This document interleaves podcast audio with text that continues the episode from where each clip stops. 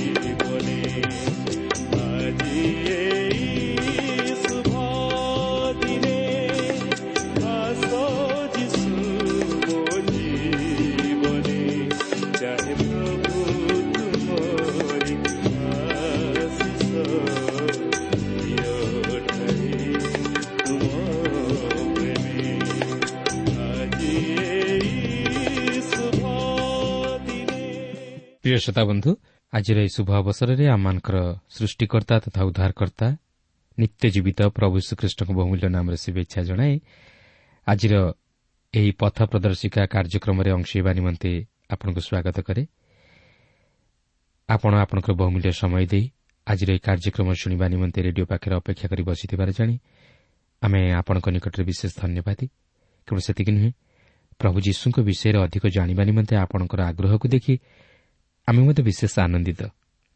ପ୍ରଭୁ ଆପଣଙ୍କର ମନୋବାଞ୍ଛା ପୂର୍ଣ୍ଣ କରନ୍ତୁ ଓ ଆପଣଙ୍କୁ ଆତ୍ମିକ ଜୀବନରେ ଅଧିକରୁ ଅଧିକ ବର୍ଦ୍ଧିଷ୍ଣୁ କରାନ୍ତୁ ଓ ଆପଣଙ୍କର ସହିତ ରହି ଆପଣଙ୍କୁ ସେହି ଶାନ୍ତି ଓ ଆନନ୍ଦରେ ପରିପୂର୍ଣ୍ଣ କରନ୍ତୁ। ଆସନ୍ତାରେ ପ୍ରଭୁଙ୍କର ବାକ୍ୟ ମଧ୍ୟକୁ ଯିବା ପୂର୍ବରୁ ସଂକ୍ଷେପରେ ପ୍ରାର୍ଥନା କରିବା। ପବିତ୍ର ପ୍ରଭୁ ଆମମାନଙ୍କର ସ୍ୱର୍ଗବାସୀ ପିତା ଆମମାନଙ୍କର ଉଦ୍ଧାରକର୍ତ୍ତା ଆମମାନଙ୍କର ମୃତ୍ୟୁଞ୍ଜୟୀ ପ୍ରଭୁ ତୁମର ଧନ୍ୟବାଦ କରୁଅଛୁ ଏହି ସୁନ୍ଦର ସମୟ ପାଇଁ ଜୀବନ୍ତ ବାକ୍ୟ ପାଇଁ।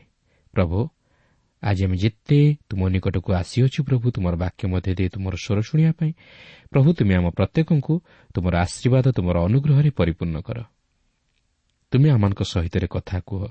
ଆମମାନଙ୍କୁ ତୁମରି ହେବା ନିମନ୍ତେ ସାହାଯ୍ୟ କର। ଆମମାନଙ୍କୁ ସେହି ଅନନ୍ତ ଜୀବନର ପଥରେ କଢ଼ାଇ ନିଅ। ତୁମର ଇଚ୍ଛା ଅଭିମତ ପ୍ରଭୁ ତୁମେ ଆମମାନଙ୍କ ଜୀବନରେ ସାଧନ କର। ଯୀଶୁଙ୍କ ନାମରେ ମାଗୁଅଛୁ। ଆମେନ୍। ଆସନ୍ତୁ ବର୍ତ୍ତମାନ ଆମେ ପ୍ରଭୁଙ୍କର ବାକ୍ୟ ମଧ୍ୟକୁ ଯିବା। ଆଜି ଆମେ ରୋମିଓ ଷୋହଳ ପର୍ବର ପ୍ରଥମ ପଦରୁ ଆରମ୍ଭ କରି ସତେଇଶ ପଦ ପର୍ଯ୍ୟନ୍ତ ଅର୍ଥାତ୍ ଶେଷ ପର୍ଯ୍ୟନ୍ତ ଅଧ୍ୟୟନ କରିବା ନିମନ୍ତେ ଯିବା। ଏହି ପର୍ବର ମୁଖ୍ୟ ବିଷୟ ହେଉଛି ଖ୍ରୀଷ୍ଟ ବିଶ୍ୱାସୀମାନଙ୍କର ପରସ୍ପର ମଧ୍ୟରେ ଥିବା ସମ୍ପର୍କ। ଏହି ପର୍ବଟି ହେଉଛି ରୋମିଓ ପତ୍ର ମଧ୍ୟରେ ସବୁଠାରୁ ଗୁରୁତ୍ୱପୂର୍ଣ୍ଣ ପର୍ବ। ଏଠାରେ ଆମେ ଖ୍ରୀଷ୍ଟ ବିଶ୍ୱାସୀମାନଙ୍କର ଆଦର୍ଶ ଜୀବନ କାର୍ଯ୍ୟରେ ପ୍ରତିଫଳିତ ହୋଇଥିବାର ଲକ୍ଷ୍ୟ କରିବାକୁ ପାରିବା। ରୋମ୍ ସାମ୍ରାଜ୍ୟ ପରି ଏକ ବିଜାତୀୟ ସାମ୍ରାଜ୍ୟ ମଧ୍ୟରେ ଖ୍ରୀଷ୍ଟ ବିଶ୍ୱାସୀମାନେ ଥିଲେ ଯେଉଁମାନେ କି ଖ୍ରୀଷ୍ଟଙ୍କ ନିମନ୍ତେ ସାକ୍ଷୀ ହେବା ସଙ୍ଗେ ସଙ୍ଗେ ପ୍ରଭୁଙ୍କର ଆନନ୍ଦରେ ହୃଦୟର ଆନନ୍ଦ ସହିତ ସେହି ରୋମ୍ ସାମ୍ରାଜ୍ୟର ସହରଗୁଡ଼ିକର ରାସ୍ତାରେ ଯାତାୟାତ କରୁଥିଲେ। ପାଉଲ ଯେଉଁ ମହାନ ଶିକ୍ଷା ସେମାନଙ୍କୁ ପ୍ରଦାନ କରିଥିଲେ ତାହା ବ୍ୟର୍ଥ ହୋଇନଥିଲା। ମାତ୍ର ସେଗୁଡ଼ିକ ସେହି ରୋମିଓ ରାସ୍ତାରେ ଏକ ଏକ ଯାନ ଭଳି କାର୍ଯ୍ୟ କରିଥିଲା। ସେହି ସୁଷମାଚାର ଜୀବନ ଓ ବାସ୍ତବରେ ପରିଣତ ହେଲା। ତେବେ ଏହି ପର୍ବରେ ପଞ୍ଚତିରିଶ ଜଣଙ୍କର ନାମ ପ୍ରକାଶିତ ହୋଇଅଛି। ସେମାନେ ସମସ୍ତେ ରୋମ୍ରେ ବାସ କରୁଥିବା ବିଶ୍ୱାସୀ ଥିଲେ କିଏ ବା ସେମାନେ ବିଶ୍ୱାସୀ ଥିଲେ ଯେଉଁମାନେ କି ପ୍ରେରିତ ପାଉଲଙ୍କ ସହିତ ଥିଲେ। ସମ୍ଭବତଃ ପାଉଲ କରିନ୍ଥରେ ଥିବା ସମୟରେ ଏହି ପତ୍ରଟି ଲେଖିଥିଲେ। ଏହି ପତ୍ରରେ ପାରସ୍ପରିକ ପ୍ରେମ ଓ ସ୍ନେହ ବିଷୟ ନେଇ ପ୍ରକାଶ କରାଯାଇଅଛି ଯାହାକି ରୋମିଓ ଦାର୍ଶନିକ ଚିନ୍ତାଧାରା ଓ ପ୍ରଥା ତଥା ଚାଳିଚଳନ ସହିତ ଖାପ ଖାଏ ନାହିଁ। ଏହି ଖ୍ରୀଷ୍ଟ ବିଶ୍ୱାସୀମାନେ ଅନ୍ୟମାନଙ୍କ ଅପେକ୍ଷା ସ୍ୱତନ୍ତ୍ର ଥିଲେ ଯାହାକି ରୋମିଓମାନଙ୍କ ମଧ୍ୟରେ ଏକ ଚହଳ ସୃଷ୍ଟି କରିଥିଲା। ତେବେ ଦେଖନ୍ତୁ ଷୋହଳ ପର୍ବର ପ୍ରଥମ ଦୁଇ ପଦରେ ଏପରି ଲେଖା ଅଛି କେଙ୍କ୍ରେୟାସ୍ଥ ମଣ୍ଡଳୀର ସେବିକା ଆମ୍ଭମାନଙ୍କ ଭଗ୍ନୀ ଫୈବିଙ୍କ ସପକ୍ଷରେ ମୁଁ ତୁମମାନଙ୍କୁ ଅନୁରୋଧ କରୁଅଛି ତୁମେମାନେ ସାଧୁମାନଙ୍କ ଯଥାଯୋଗ୍ୟ ଭାବରେ ତାଙ୍କୁ ପ୍ରଭୁଙ୍କ ନାମରେ ଗ୍ରହଣ କରିବ ଆଉ ଯେକୌଣସି ବିଷୟରେ ତୁମମାନଙ୍କଠାରୁ ତାଙ୍କର ସାହାଯ୍ୟ ଆବଶ୍ୟକ ହେବ ସେ ବିଷୟରେ ତାଙ୍କୁ ସାହାଯ୍ୟ କରିବ କାରଣ ସେ ନିଜେ ମଧ୍ୟ ଅନେକଙ୍କର ଓ ମୋ ନିଜର ଉପକାର କରିଅଛନ୍ତି। ଏହି ପର୍ବର ପ୍ରଥମରେ ଫୈବିଙ୍କ ବିଷୟ ନେଇ ପ୍ରକାଶ କରାଯାଏ ଯେ କି ଜଣେ ବିଶ୍ୱାସୀ ମହିଳା ଓ ସେ ଏହି ପତ୍ରଟିକୁ ରୋମ୍କୁ ଆଣିଥିଲେ ଓ ସେ ମଧ୍ୟ କେଙ୍କ୍ରେୟାସ୍ଥ ମଣ୍ଡଳୀର ଜଣେ ସେବିକା ଥିଲେ ଓ ଏହି କେଙ୍କ୍ରେୟା କରିନ୍ଥର ପୂର୍ବୀୟ ସାମୁଦ୍ରିକ ବନ୍ଦର ଥିଲା। ସେ ଜଣେ ବିଜାତିଆ ମହିଳା ଥିଲା ବୋଲି ତାହାର ନାମରୁ ହିଁ ଜଣାଯାଏ। ମାତ୍ର ସେ ଖ୍ରୀଷ୍ଟ ବିଶ୍ୱାସିନୀରେ ପରିଣତ ହୋଇଥିଲା। ମୁଁ ଆପଣଙ୍କୁ ପୂର୍ବରୁ କହିସାରିଛି ଯେ ସେହି ରୋମିଓ ମଣ୍ଡଳୀ ମଧ୍ୟରେ ଅନେକ ବିଜାତୀୟ ଖ୍ରୀଷ୍ଟ ବିଶ୍ୱାସୀ ଥିଲେ। ତେବେ ଫୈବି ଥିଲା ଏହି ରୋମିଓ ପତ୍ରର ପତ୍ରବାହକ। ପ୍ରକୃତରେ ପାଉଲ ଏହି ପତ୍ର ଲେଖିବା ସମୟରେ ସେ କରିନ୍ଥରେ ଥିଲେ ଓ ଫୈବିଙ୍କ ହାତରେ ସେ ଏହି ପତ୍ରଟିକୁ ରୋମିଓ ମଣ୍ଡଳୀ ନିକଟକୁ ପଠାଇଥିଲେ। ଯଦିଓ ସେହି ସମୟରେ ରୋମ୍ ସାମ୍ରାଜ୍ୟ ମଧ୍ୟରେ ଡାକ ସେବା ପ୍ରଚଳନ ଥିଲା ମାତ୍ର ତାହା ଅତି ଧୀର ଥିଲା। ଆପଣ ଦେଖନ୍ତୁ ପାଉଲ ଜିରୁସାଲମକୁ ଫେରିଯାଉଛନ୍ତି କିନ୍ତୁ ଫୈବି ସେହି ପତ୍ରକୁ ଧରି ରୋମ୍କୁ ଆସୁଅଛନ୍ତି। କାରଣ ପାଉଲ ତାହାଙ୍କୁ ରୋମିଓ ମଣ୍ଡଳୀର ବିଶ୍ୱାସୀମାନଙ୍କ ନିକଟକୁ ପଠାଉଛନ୍ତି। ଏହାପରେ ରୋମିଓ ଷୋହଳ ପର୍ବର ତିନି ପଦରୁ ଆରମ୍ଭ କରି ପନ୍ଦର ପଦ ମଧ୍ୟରେ ସେ ରୋମ୍ରେ ଥିବା ଖ୍ରୀଷ୍ଟ ବିଶ୍ୱାସୀମାନଙ୍କୁ ଶୁଭେଚ୍ଛା ଜ୍ଞାପନ କରନ୍ତି। ଦେଖନ୍ତୁ ଷୋହଳ ପର୍ବର ତିନି ପଦରୁ ଚାରିପଦ ମଧ୍ୟରେ ଏହିପରି ଲେଖା ଅଛି ଖ୍ରୀଷ୍ଟ ଯୀଶୁଙ୍କ କାର୍ଯ୍ୟରେ ମୋହର ସହକର୍ମୀ ପ୍ରିସ୍କା ଓ ଆକ୍ୟୁଲାଙ୍କୁ ନମସ୍କାର ଜଣାଅ। ସେମାନେ ମୋହର ପ୍ରାଣ ନିମନ୍ତେ ଆପଣା ଆପଣା ପ୍ରାଣକୁ ବିପଦଗ୍ରସ୍ତ କଲେ। କେବଳ ମୁଁ ଯେ ସେମାନଙ୍କୁ ଧନ୍ୟବାଦ ଦେଉଅଛି ତାହା ନୁହେଁ କିନ୍ତୁ ବିଜାତିମାନଙ୍କ ମଣ୍ଡଳୀ ସମୂହ ମଧ୍ୟ ସେମାନଙ୍କୁ ଧନ୍ୟବାଦ ଦେଉଅଛନ୍ତି। ଏହି ସମୟ ମଧ୍ୟରେ ସେହି ରୋମ୍ ସାମ୍ରାଜ୍ୟ ମଧ୍ୟରେ ଅନେକ ବିଜାତୀୟ ଖ୍ରୀଷ୍ଟୀୟ ମଣ୍ଡଳୀଗୁଡ଼ିକ ଗଢ଼ି ଉଠିଥିଲା ଓ ମୁଁ ବିଶ୍ୱାସ କରେ ଯେ ରୋମ୍ରେ ଥିବା ଖ୍ରୀଷ୍ଟୀୟ ମଣ୍ଡଳୀ ବିଶେଷତଃ ବିଜାତୀୟ ଖ୍ରୀଷ୍ଟ ବିଶ୍ୱାସୀମାନଙ୍କୁ ନେଇ ଗଠିତ ହୋଇଥିଲା। ଅନେକ ଜାତିର ଲୋକମାନଙ୍କୁ ନେଇ ଗଠିତ ହୋଇଥିଲା ଯେଉଁମାନେ କି ଖ୍ରୀଷ୍ଟଙ୍କଠାରେ ବିଶ୍ୱାସ କରିଥିଲେ। ପ୍ରିସ୍କା ଓ ଆକ୍ୟୁଲା ଜିହୁଦୀୟ ଦମ୍ପତି ଥିଲେ। ପାଉଲ ସେମାନଙ୍କ ସହିତ କିପରି ସାକ୍ଷାତ କଲେ ଓ ସେମାନେ କିପରି ତାଙ୍କର ସାହାଯ୍ୟକାରୀ ହେଲେ? ଯେତେବେଳେ କ୍ଲାଉଦିୟ ସମସ୍ତ ଜିହୁଦୀମାନଙ୍କୁ ରୋମ୍ରୁ ବିତାଡ଼ିତ କଲେ ସେତେବେଳେ ଆକ୍ୱିଲା ଓ ପ୍ରିସ୍କିଲା ମଧ୍ୟ ରୋମ୍ ଛାଡ଼ିବାକୁ ପଡ଼ିଥିଲା। ସେମାନେ ସେହି କରିନ୍ଥ ନଗରକୁ ଆସିଲେ ଯେତେବେଳେ କି ପାଉଲ ସେଠାରେ ଥିଲେ। ଓ ସେମାନେ ସେଠାରେ ସେମାନଙ୍କର ବ୍ୟବସାୟ ଆରମ୍ଭ କଲେ। କରିନ୍ଥ ମଧ୍ୟ ସେହି ସମୟରେ ଏକ ବ୍ୟବସାୟିକ କେନ୍ଦ୍ର ରୂପେ ପ୍ରତିଷ୍ଠା ଲାଭ କରିଥିଲା ଓ ପାଉଲ ମଧ୍ୟ ସେମାନଙ୍କ ସହିତ ମିଶି ବ୍ୟବସାୟ ଆରମ୍ଭ କଲେ କାରଣ ବ୍ୟବସାୟରେ ସେମାନେ ତମ୍ବୁ ନିର୍ମାଣକାରୀ ଥିଲେ ସେମାନେ ସମ ବ୍ୟବସାୟୀ ଥିବାରୁ ଏକାଠି ବାସ କଲେ ଓ ପାଉଲ ସେମାନଙ୍କୁ ପ୍ରଭୁ ଯୀଶୁଙ୍କ ନିକଟବର୍ତ୍ତୀ କରାଇଲେ। ଏହାପରେ ସେମାନେ ଏଫିସିରେ ପାଉଲଙ୍କ ସହ ମିଳିତ ହେଲେ। ବୋଧହୁଏ ସେମାନେ ସେହି ଏଫିସିରେ ତାହାଙ୍କର ବ୍ୟବସାୟର ଏକ ଶାଖା ଖୋଲିବାକୁ ଯାଇଥିଲେ। ଏପରିକି ସେମାନେ ଆପଲଙ୍କ ପ୍ରତି ମଧ୍ୟ ସାହାଯ୍ୟ କରିବାକୁ ସମର୍ଥ ହୋଇଥିଲେ। ଏହି ସମସ୍ତ ବିଷୟ ପ୍ରେରିତ ଅଠର ପର୍ବରେ ଉଲ୍ଲେଖ ହୋଇଅଛି। ଏହାପରେ ରୋମିଓ ଷୋହଳ ପର୍ବର ପାଞ୍ଚ ପଦରେ ଏହିପରି ଲେଖା ଅଛି ଆଉ ସେମାନଙ୍କ ଗୃହରେ ଥିବା ମଣ୍ଡଳୀ କି ନମସ୍କାର ଜଣାଅ। ମୋର ପ୍ରିୟ ଏପାଇ ନେତଙ୍କୁ ନମସ୍କାର ଜଣାଅ। ସେ ଖ୍ରୀଷ୍ଟଙ୍କ ଉଦ୍ଦେଶ୍ୟରେ ଆସିଆର ପ୍ରଥମ ଫଳ ସ୍ୱରୂପ ବିଶେଷରେ ଆଦ୍ୟ ମଣ୍ଡଳୀ ଯୁଗରେ ଆଞ୍ଚଳିକ ମଣ୍ଡଳୀଗୁଡ଼ିକ ଗୃହମାନଙ୍କରେ ଅନୁଷ୍ଠିତ ହେଉଥିଲା ଯାହାକି ଆମେ ପ୍ରେରିତ ବାର ପର୍ବର ବାର ପଦ କଲସୀ ଚାରି ପର୍ବର ପନ୍ଦର ପଦ ପ୍ରଥମ କରନ୍ତୀୟ ଷୋହଳ ପର୍ବର ଉଣେଇଶ ଓ ଫିଲିମୋନ୍ ଦୁଇ ପଦରେ ଲକ୍ଷ୍ୟ କରିବାକୁ ପାରୁ। ତେଣୁକରି ଆମେ ଦେଖିବାକୁ ପାରୁଛୁ ଯେ ପ୍ରାୟ ପ୍ରଥମ ତିନି ଶତାବ୍ଦୀ ଧରି ବିଶ୍ୱାସୀ ମଣ୍ଡଳୀ ଗୃହମାନଙ୍କରେ ଏକତ୍ରିତ ହେଉଥିଲେ ଯେପରି ଆକ୍ୱିଲା ଓ ପ୍ରିସ୍କିଲା କରିଥିଲେ।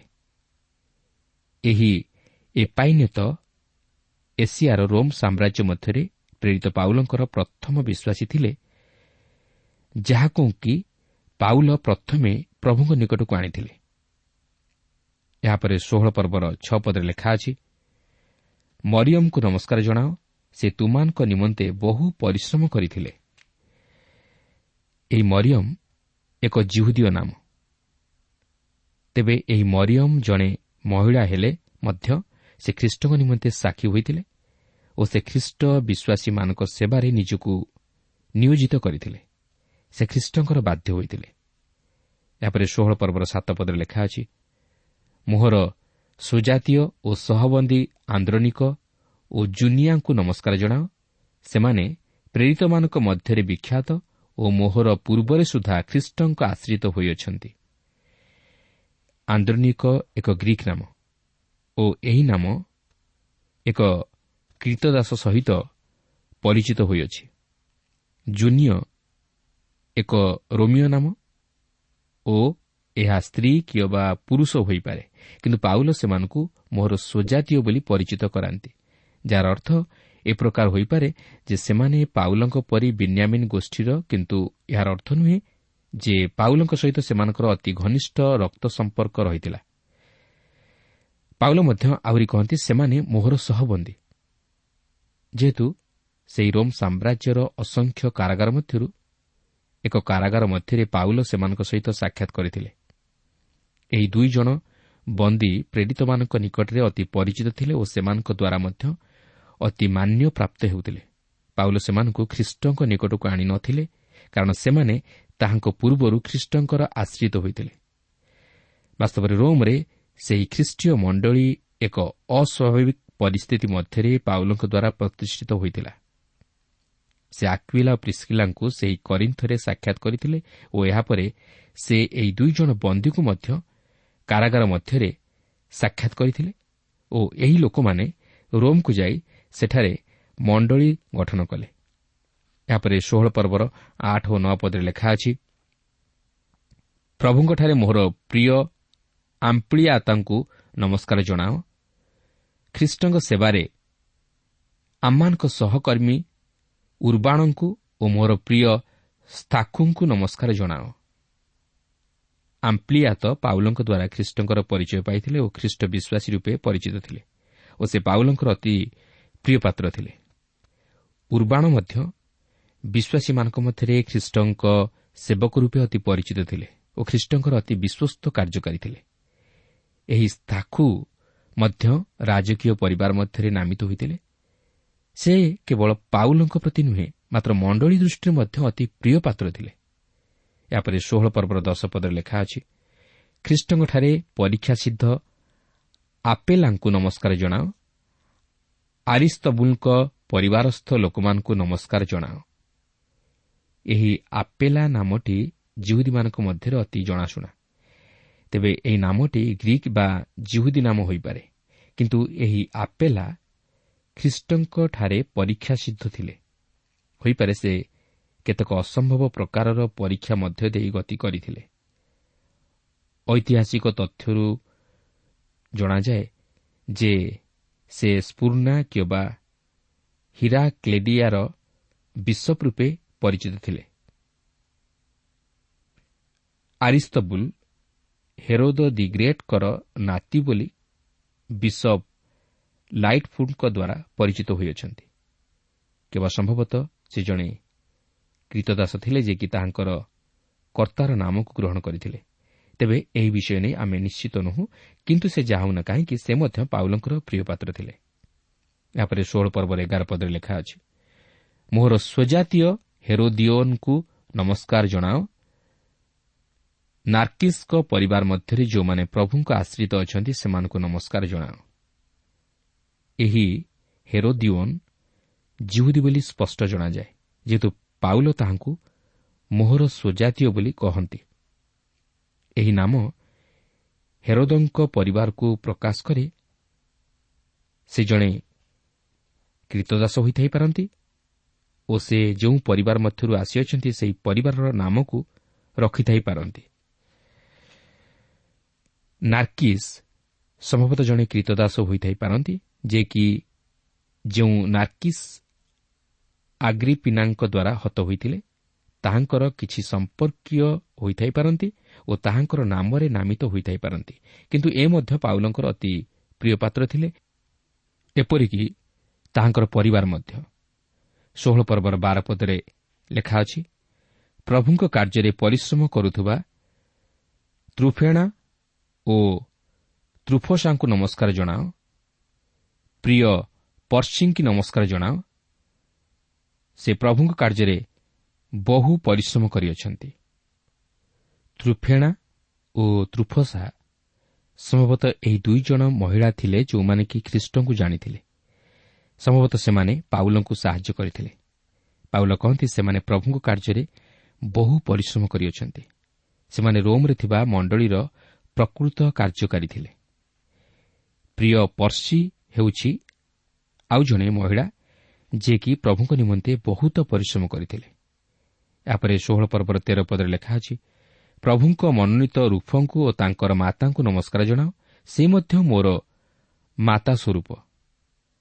ତେବେ ଏହି ରୂଫଙ୍କ ବିଷୟରେ ଓ ତାହାଙ୍କ ମାତାଙ୍କ ବିଷୟରେ ଆମେ ଅନେକ କିଛି ଜାଣିପାରିବା। ଏହି ରୂଫ ଜଣେ ଚମତ୍କାର ବ୍ୟକ୍ତି ଥିଲେ ଓ ସେ ପ୍ରଭୁଙ୍କର ମନୋନୀତ ଦାସ ଥିଲେ। ତାଙ୍କ ନାମର ଅର୍ଥ ଲାଲ। ସେ ଅନ୍ୟ ଭକ୍ତ ଦାସମାନଙ୍କ ଅପେକ୍ଷା ଏକ ସ୍ୱତନ୍ତ୍ର ଭାବେ ଆହୁତ ହୋଇଥିଲେ। ସେ ଈଶ୍ୱରଙ୍କ ଏକ ମହାନ ଭକ୍ତ ଥିଲେ। ସେ ରୋମ୍ରେ ଥିବା ସମସ୍ତ ସାଧୁମାନଙ୍କ ନିକଟରେ ଅତି ପରିଚିତ ଥିଲେ। ଏପରିକି ମାର୍କ ମଧ୍ୟ ରୋମିଓମାନଙ୍କ ନିମନ୍ତେ ତାହାଙ୍କ ସୁଷମାଚାର ଲେଖିବା ସମୟରେ ରୁଫଙ୍କ ପିତା କୁରୁଣୀୟ ସିମୋନ୍ଙ୍କୁ ଉପସ୍ଥାପିତ କରିବାକୁ ଯାଇ ରୁଫଙ୍କ ନାମ ଉଲ୍ଲେଖ କରନ୍ତି। କାରଣ ସେ ଜଣେ ଅତି ପରିଚିତ ତଥା ମାନ୍ୟଗଣ୍ୟ ବ୍ୟକ୍ତି ଥିଲେ। ପାଉଲ ମଧ୍ୟ ତାହାଙ୍କର ଏହି ଶୁଭେଚ୍ଛା ଜଣାଇବାରେ ରୁଫଙ୍କର ମାତାଙ୍କ ନାମକୁ ମଧ୍ୟ ପ୍ରକାଶ କରନ୍ତି। କାରଣ ସେ ପ୍ରେରିତ ପାଉଲଙ୍କ ପ୍ରତି ମାତା ସ୍ୱରୂପ ଥିଲେ। ଆପଣଙ୍କର ମନେଥିବ ପାଉଲ ଯେତେବେଳେ ତାହାଙ୍କର ପରିବର୍ତ୍ତନ ପରେ ପ୍ରଥମ ଥର ପାଇଁ ଜିରୁସଲମକୁ ଆସିଲେ ସେତେବେଳେ ଖ୍ରୀଷ୍ଟ ବିଶ୍ୱାସୀମାନେ ତାହାଙ୍କୁ ଦେଖି ଭୟ କଲେ। ପାଉଲଙ୍କ ପରିବର୍ତ୍ତନ ଯେ ବାସ୍ତବ ପରିବର୍ତ୍ତନ ତାହା ସେମାନେ ବିଶ୍ୱାସ କରିପାରିଲେ ନାହିଁ। ସେମାନେ ତାହାଙ୍କ ପ୍ରତି ସନ୍ଦେହ କଲେ। ତଥାପି ରୁଫଙ୍କର ମାତା ତାହାଙ୍କୁ ଗୃହ ଭିତରକୁ ନେଲେ ଓ ଗ୍ରହଣ କଲେ। ତେଣୁକରି ସେହି ସମୟକୁ ଲକ୍ଷ୍ୟ କରି ପାଉଲ ତାହାଙ୍କ ବିଷୟରେ ଉଲ୍ଲେଖ କରନ୍ତି ଓ କହନ୍ତି ସେ ଯଦିଓ ରୁଫଙ୍କ ମାତା ମାତ୍ର ସେ ମଧ୍ୟ ମୋହର ମାତା। ବାସ୍ତବରେ ସେହି ମାତାଙ୍କ ନିମନ୍ତେ ଏହା କେତେ ସୁନ୍ଦର ପ୍ରତିଦାନ। ଷୋହଳ ପର୍ବର ଚଉଦ ପଦରେ ଏହିପରି ଲେଖା ଅଛି ଅଶୃଙ୍ଖୃତ ଫ୍ଲେଗୋନ୍ ହର୍ମିସ୍ ପାତ୍ରବା ହର୍ମାସ୍ ଆଉ ସେମାନଙ୍କ ସାଙ୍ଗରେ ଥିବା ଭାଇମାନଙ୍କୁ ନମସ୍କାର ଜଣାଅ। ଏହି ସମସ୍ତ କେବଳ ଆମମାନଙ୍କ ନିମନ୍ତେ ନାମ ମାତ୍ର ପାଉଲ ସେମାନଙ୍କୁ ଜାଣିଥିଲେ। ସମ୍ଭବତଃ ସେ ସେମାନଙ୍କୁ ଖ୍ରୀଷ୍ଟଙ୍କ ନିକଟକୁ ଆଣିଥିଲେ। ଏହାପରେ ପନ୍ଦର ପଦରେ ଲେଖା ଅଛି ଫିଲଲଗ୍ ଓ ଜୁଲିଓ ନିରୁସ୍ ଓ ତାଙ୍କ ଭଗ୍ନୀ ପୁଣି ଅଲୁମ୍ପା ଓ ସେମାନଙ୍କ ସାଙ୍ଗରେ ଥିବା ସମସ୍ତ ସାଧୁଙ୍କୁ ନମସ୍କାର ଜଣାଅ। ଏଠାରେ ଆମେ ଆଉ କେତେକ ବିଶ୍ୱାସୀମାନଙ୍କର ପରିଚୟ ପାଉଅଛୁ ଯେଉଁମାନେ କି ସେହି ରୋମିଓ ମଣ୍ଡଳୀର ବିଶ୍ୱାସୀ ଥିଲେ। ଆସନ୍ତୁ ଏହାପରେ ଷୋହଳ ପର୍ବର ଷୋହଳ ପଦରୁ କୋଡ଼ିଏ ପଦ ମଧ୍ୟରେ ଖ୍ରୀଷ୍ଟ ବିଶ୍ୱାସୀମାନଙ୍କର ଅନ୍ୟ ଖ୍ରୀଷ୍ଟ ବିଶ୍ୱାସୀମାନଙ୍କ ପ୍ରତି ବ୍ୟବହାର ବିଷୟ ନେଇ ଲକ୍ଷ୍ୟ କରିବାକୁ ଯିବା। ଲେଖା ଅଛି ପବିତ୍ର ଚୁମ୍ବନ ଦେଇ ପରସ୍ପରକୁ ନମସ୍କାର କର। ଖ୍ରୀଷ୍ଟଙ୍କ ସମସ୍ତ ମଣ୍ଡଳୀ ତୁମମାନଙ୍କୁ ନମସ୍କାର ଜଣାଉଅଛନ୍ତି। ହେ ଭାଇମାନେ ତୁମେମାନେ ଯେଉଁ ଶିକ୍ଷା ପାଇଅଛ ସେଥିର ବିପରୀତ ଯେଉଁମାନେ ଦଳଭେଦ ଓ ବିଘ୍ନର କାରଣ ଘଟାନ୍ତି ସେମାନଙ୍କୁ ଚିହ୍ନି ରଖି ସେମାନଙ୍କଠାରୁ ପୃଥକ ରହିବା ପାଇଁ ମୁଁ ତୁମମାନଙ୍କୁ ଅନୁରୋଧ କରୁଅଛି। କାରଣ ଏହିପରି ଲୋକେ ଆମ୍ଭମାନଙ୍କ ପ୍ରଭୁ ଖ୍ରୀଷ୍ଟଙ୍କର ଦାସ ନୁହନ୍ତି କିନ୍ତୁ ଆପଣା ଆପଣା ଉଦରର ଦାସ ଅଟନ୍ତି। ପୁଣି ମିଷ୍ଟ ବାକ୍ୟ ଓ ଚାଟୁ ଭାଷାରେ ସରଳ ହୃଦୟ ଲୋକଙ୍କର ମନ ଭୁଲାନ୍ତି। ପାଉଲଙ୍କ ସମୟରେ ଏହିପରି ଭାବେ ଶୁଭେଚ୍ଛା ପ୍ରଦାନ କରାଯାଉଥିଲା କିନ୍ତୁ ବର୍ତ୍ତମାନ ସେପରି କରିବା ବିଶେଷ ଆବଶ୍ୟକ ନାହିଁ। ପାଉଲ ମଧ୍ୟ ଏଠାରେ ଏକ ସତର୍କ ବାଣୀ ମଧ୍ୟ ପ୍ରଦାନ କରନ୍ତି ଓ ଏହା ଆଜି ମଧ୍ୟ ଆମମାନଙ୍କ ନିମନ୍ତେ ପ୍ରଯୁଜ୍ୟ ଓ ଆମମାନେ ସତର୍କ ରହିବା ଉଚିତ। ଏହାପରେ ଉଣେଇଶ ପଦରେ ଲେଖା ଅଛି ଜଣୁ ତୁମମାନଙ୍କ ଆଜ୍ଞାବହତାର କଥା ସମସ୍ତ ଲୋକଙ୍କ ମଧ୍ୟରେ ବ୍ୟାପି ଯାଇଅଛି ଅତେବେ ମୁଁ ତୁମମାନଙ୍କ ନିମନ୍ତେ ଆନନ୍ଦ କରୁଅଛି। କିନ୍ତୁ ତୁମେମାନେ ଯେପରି ସତ୍ ବିଷୟରେ ଜ୍ଞାନୀ ଓ ଅସତ୍ ବିଷୟରେ ଅମାୟିକ ହୁଅ ଏହା ମୋହର ଇଚ୍ଛା ଆପଣ ଦେଖନ୍ତୁ ସେମାନଙ୍କର ବିଶ୍ୱାସ ମଧ୍ୟ ବ୍ୟାପି ଯାଇଥିଲା ମାତ୍ର ସେହି ବିଶ୍ୱାସ ବାଧ୍ୟତାରେ ପ୍ରତିଫଳିତ ହୋଇଥିଲା କିନ୍ତୁ ତଥାପି ସେମାନେ ଈଶ୍ୱରଙ୍କ ବାକ୍ୟ ଦ୍ୱାରା ଶିକ୍ଷିତ ହେବାକୁ ହେବ ଓ ମନ୍ଦତା ବିଷୟରେ ଅଜ୍ଞ ହେବାକୁ ହେବ ଅର୍ଥାତ୍ ମନ୍ଦତାଠାରୁ ଦୂରରେ ରହିବାକୁ ହେବ ବୋଲି ପାଉଲ ପ୍ରକାଶ କରନ୍ତି ସେଥିପାଇଁ ପ୍ରଥମ କରିନ୍ଥିୟ ଚଉଦ ପର୍ବର କୋଡ଼ିଏ ପଦରେ ପାଉଲ ଏହିପରି ଉଲ୍ଲେଖ କରନ୍ତି ହେ ଭାଇମାନେ ବୁଦ୍ଧିରେ ବାଳକ ପରି ହୁଅ ନାହିଁ ବରଂ ମନ୍ଦ ବିଷୟରେ ଶିଶୁ ପରି ହୁଅ କିନ୍ତୁ ବୁଦ୍ଧିରେ ପୂର୍ଣ୍ଣ ବୟସ୍କ ହୁଅ। ଏହାପରେ କୋଡ଼ିଏ ପଦରେ ଲେଖା ଅଛି ଆଉ ଶାନ୍ତିଦାତା ଈଶ୍ୱର ଶୟତାନକୁ ଶୀଘ୍ର ତୁମମାନଙ୍କ ପଦତଳେ ଦଳି ପକାଇବେ। ଆମମାନଙ୍କ ପ୍ରଭୁ ଯୀଶୁଙ୍କର ଅନୁଗ୍ରହ ତୁମମାନଙ୍କ ସହବର୍ତ୍ତୀ ହେଉ। ଏହା ହେଉଛି ଶାନ୍ତିଦାତା ଈଶ୍ୱର ଯେ କି ଶୟତାନକୁ ଅତି ଶୀଘ୍ର ପାଦ ତଳେ ଦଳି ପକାଇବେ। କିନ୍ତୁ ସେହି ସମୟ ମଧ୍ୟରେ ଆମମାନେ ଶୟତାନର ପ୍ରତିରୋଧ କରିବାକୁ ହେବ ଓ ଅତି ସତର୍କତାର ସହିତ ଜୀବନଯାପନ କରିବାକୁ ହେବ। ଏହାପରେ ଆମେ ସେହି ଖ୍ରୀଷ୍ଟ ବିଶ୍ୱାସୀମାନଙ୍କୁ ଦେଖିବା ଯେଉଁମାନେ କି ପାଉଲଙ୍କ ସହିତ ମିଶି ଶୁଭେଚ୍ଛା ପ୍ରଦାନ କରନ୍ତି। ବର୍ତ୍ତମାନ ପାଉଲ ସେମାନଙ୍କଠାରୁ ଶୁଭେଚ୍ଛା ପ୍ରଦାନ କରନ୍ତି ଯେଉଁମାନେ କି ତାହାଙ୍କ ସହିତ ଥିଲେ ଯେତେବେଳେ କି ସେ ଏହି ପତ୍ରଟି ରୋମିଓମାନଙ୍କ ନିକଟକୁ ଲେଖୁଥିଲେ। ଦେଖନ୍ତୁ ଷୋହଳ ପର୍ବର ଏକୋଇଶରୁ ଚବିଶ ପଦ ମଧ୍ୟରେ ଏହିପରି ଲେଖା ଅଛି ମୋହର ସହକର୍ମୀ ତିମଥି ପୁଣି ମୋହର ସ୍ୱଜାତୀୟ ଲୁକିୟ ଜାସନ୍ ଓ ଶୋଷୀପାତ୍ର ତୁମାନଙ୍କୁ ନମସ୍କାର ଜଣାଉଅଛନ୍ତି। ଏହି ପତ୍ର ଲେଖକ ଯେ ମୁଁ ତର୍ତୀୟ ମୁଁ ପ୍ରଭୁଙ୍କ ନାମରେ ତୁମମାନଙ୍କୁ ନମସ୍କାର ଜଣାଉଅଛି। ମୋହର ଓ ସମସ୍ତ ମଣ୍ଡଳୀର ଆତିଥ୍ୟକାରୀ ଗାୟ ତୁମମାନଙ୍କୁ ନମସ୍କାର ଜଣାଉଅଛନ୍ତି। ଏହି ନଗରର କୋଷାଧ୍ୟକ୍ଷ ଏରାଷ୍ଟ ଓ ଭ୍ରାତା କ୍ୱାର୍ତ୍ତ ତୁମମାନଙ୍କୁ ନମସ୍କାର ଜଣାଉଅଛନ୍ତି। ଆମ୍ଭମାନଙ୍କ ପ୍ରଭୁ ଯୀଶୁଖ୍ରୀଷ୍ଟଙ୍କ ଅନୁଗ୍ରହ ତୁମମାନଙ୍କ ସମସ୍ତଙ୍କ ସହବର୍ତ୍ତୀ ହେଉ। ଆମେନ୍। ତେବେ ଏମାନେ ସମସ୍ତେ ପାଉଲଙ୍କର ସହକର୍ମୀ ଥିଲେ ଓ ଏମାନେ ରୋମ୍ରେ ଥିବା ଖ୍ରୀଷ୍ଟ ବିଶ୍ୱାସୀମାନଙ୍କୁ ଶୁଭେଚ୍ଛା ପ୍ରଦାନ କଲେ। ଆପଣ ଦେଖନ୍ତୁ ପାଉଲଙ୍କ ପତ୍ର ଲେଖିବାକୁ ମଧ୍ୟ ସେକ୍ରେଟେରୀ ଥିଲେ। କିନ୍ତୁ ଗାଲାତୀୟ ମଣ୍ଡଳୀ ନିକଟକୁ ପ୍ରେରିତ ପାଉଲଙ୍କ ପତ୍ର ସେ ପ୍ରକାର ନଥିଲା। ପାଉଲ ଗାୟଙ୍କ ଗୃହରେ ରହୁଥିଲେ ଓ ଗାୟ ମଧ୍ୟ ତାହାଙ୍କର ଶୁଭେଚ୍ଛା ଜଣାଇବାକୁ ଇଚ୍ଛା କଲେ। ଏହାପରେ ଷୋହଳ ପର୍ବର ପଚିଶରୁ ସତେଇଶ ପଦ ମଧ୍ୟରେ ଏହିପରି ଲେଖା ଅଛି ଯେଉଁ ଈଶ୍ୱର ମୋହର ସୁଷମାଚାର ଓ ଯୀଶୁଖ୍ରୀଷ୍ଟଙ୍କ ବିଷୟକ ପ୍ରଚାର ଅନୁସାରେ ଅର୍ଥାତ୍ ଯେଉଁ ନିଗୁଢ଼ ତତ୍ତ୍ୱ ଅନାଦିକାଳରୁ ଅବ୍ୟକ୍ତ ଥିଲା ମାତ୍ର ଏବେ ବ୍ୟକ୍ତ ହୋଇଅଛି ପୁଣି ବିଶ୍ୱାସ କରି ଆଜ୍ଞାବହ ହେବା ନିମନ୍ତେ ଅନାଦି ଈଶ୍ୱରଙ୍କ ଆଜ୍ଞାନୁସାରେ ମାଓବାଦୀମାନଙ୍କ ଶାସ୍ତ୍ର ସାହାଯ୍ୟରେ ସମସ୍ତ ଜାତୀୟ ଲୋକଙ୍କ ନିକଟରେ ଜ୍ଞାତ କରାଯାଇଅଛି। ସେହି ନିଗୁଢ଼ ତତ୍ତ୍ୱର ପ୍ରକାଶ ଅନୁସାରେ ତୁମ୍ଭମାନଙ୍କୁ ସୁସ୍ଥିର କରିବାକୁ ସକ୍ଷମ ଅଟନ୍ତି। ଯୀଶୁଖ୍ରୀଷ୍ଟଙ୍କ ଦ୍ୱାରା ଯୁଗେ ଯୁଗେ ସେହି ଏକମାତ୍ର ଜ୍ଞାନବାନ ଈଶ୍ୱରଙ୍କ ଗୌରବ ହେଉ। ଆମେନ୍। ଏଠାରେ ଲେଖା ଅଛି ଯେଉଁ ନିଗୁଢ଼ ବିଷୟ ପୁରାତନ ନିୟମରେ ପ୍ରକାଶିତ ହୋଇନଥିଲା ତାହା ବର୍ତ୍ତମାନ ପ୍ରକାଶିତ ହୋଇଅଛି ଅର୍ଥାତ୍ ଈଶ୍ୱର ଜିହୁଦୀ ଓ ବିଜାତୀୟମାନଙ୍କୁ ନେଇ ଏକତ୍ରିତ କରି ତାହାଙ୍କର ମଣ୍ଡଳୀ ସ୍ୱରୂପେ ଗ୍ରହଣ କରିଅଛନ୍ତି ଓ ସେମାନେ ସମସ୍ତେ ଈଶ୍ୱରଙ୍କଠାରେ ଖ୍ରୀଷ୍ଟ ଯୀଶୁଙ୍କ ଦ୍ୱାରା ଏକ ହୋଇଅଛନ୍ତି। ଏହା ଆଜି କ'ଣ ଆମମାନଙ୍କ ନିମନ୍ତେ ଏକ ଭରସାଜନକ ବିଷୟ ନୁହେଁ କି? କିନ୍ତୁ ଏଠାରେ ସେହି ବିଶ୍ୱାସର ବାଧ୍ୟତା ଆବଶ୍ୟକ।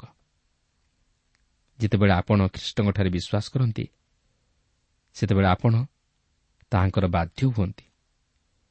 ପ୍ରଭୁ ଯୀଶୁ କହନ୍ତି ମୋହର ମେଷମାନେ ମୋହର ସ୍ୱର ଶୁଣନ୍ତି ଓ ମୁଁ ସେମାନଙ୍କୁ ଜାଣେ ଓ ସେମାନେ ମୋହର ଅନୁଗମନ କରନ୍ତି ଯାହାକି ଜୋହନ ଦଶ ପର୍ବର ସତେଇଶ ପଦରେ ଲେଖା ଅଛି। କାରଣ ବାଧ୍ୟତା ବିଶ୍ୱାସର କାର୍ଯ୍ୟ ଓ ଫଳ। ତେଣୁ ପ୍ରିୟ ବନ୍ଧୁ ଆଜି ଯଦି ଆମେ ପ୍ରଭୁ ଯୀଶୁଖ୍ରୀଷ୍ଟଙ୍କଠାରେ ବିଶ୍ୱାସ କରୁଅଛୁ ବୋଲି କହୁଅଛୁ ତାହେଲେ ତାହା ଆମମାନଙ୍କର କାର୍ଯ୍ୟରେ ପ୍ରତିଫଳିତ ହେବା ଆବଶ୍ୟକ। ତାହା ଆମମାନଙ୍କର ଜୀବନ ଦ୍ୱାରା ପ୍ରତିଫଳିତ ହେବା ଆବଶ୍ୟକ। କାରଣ ପ୍ରଭୁ ଚାହାନ୍ତି ଆମମାନେ ଯେପରି ତାଙ୍କଠାରେ ବିଶ୍ୱାସ କରିବା ସହିତ ତାହାଙ୍କ ନିମନ୍ତେ ସାକ୍ଷୀ ହେଉ ତାହାଙ୍କ ନିମନ୍ତେ ଆତ୍ମା ଲାଭ କରୁ ମଣ୍ଡଳୀ ସ୍ଥାପନ କରୁ ଏବଂ ସହ ବିଶ୍ୱାସୀମାନଙ୍କୁ ଆତ୍ମିକ ଜୀବନରେ ବର୍ଦ୍ଧିଷ୍ଣୁ କରାଉ ଉତ୍ସାହିତ କରୁ। ପରସ୍ପରକୁ ଆତ୍ମିକ ଜୀବନରେ ସାନ୍ତ୍ୱନା ଦେଉ ଏବଂ ଉତ୍ସାହିତ କରୁ। ପ୍ରଭୁ ପ୍ରତ୍ୟେକଙ୍କୁ ସେହି ବିଶ୍ୱାସ ଓ ବାଧ୍ୟତାର ଜୀବନ ପ୍ରଦାନ କରନ୍ତୁ।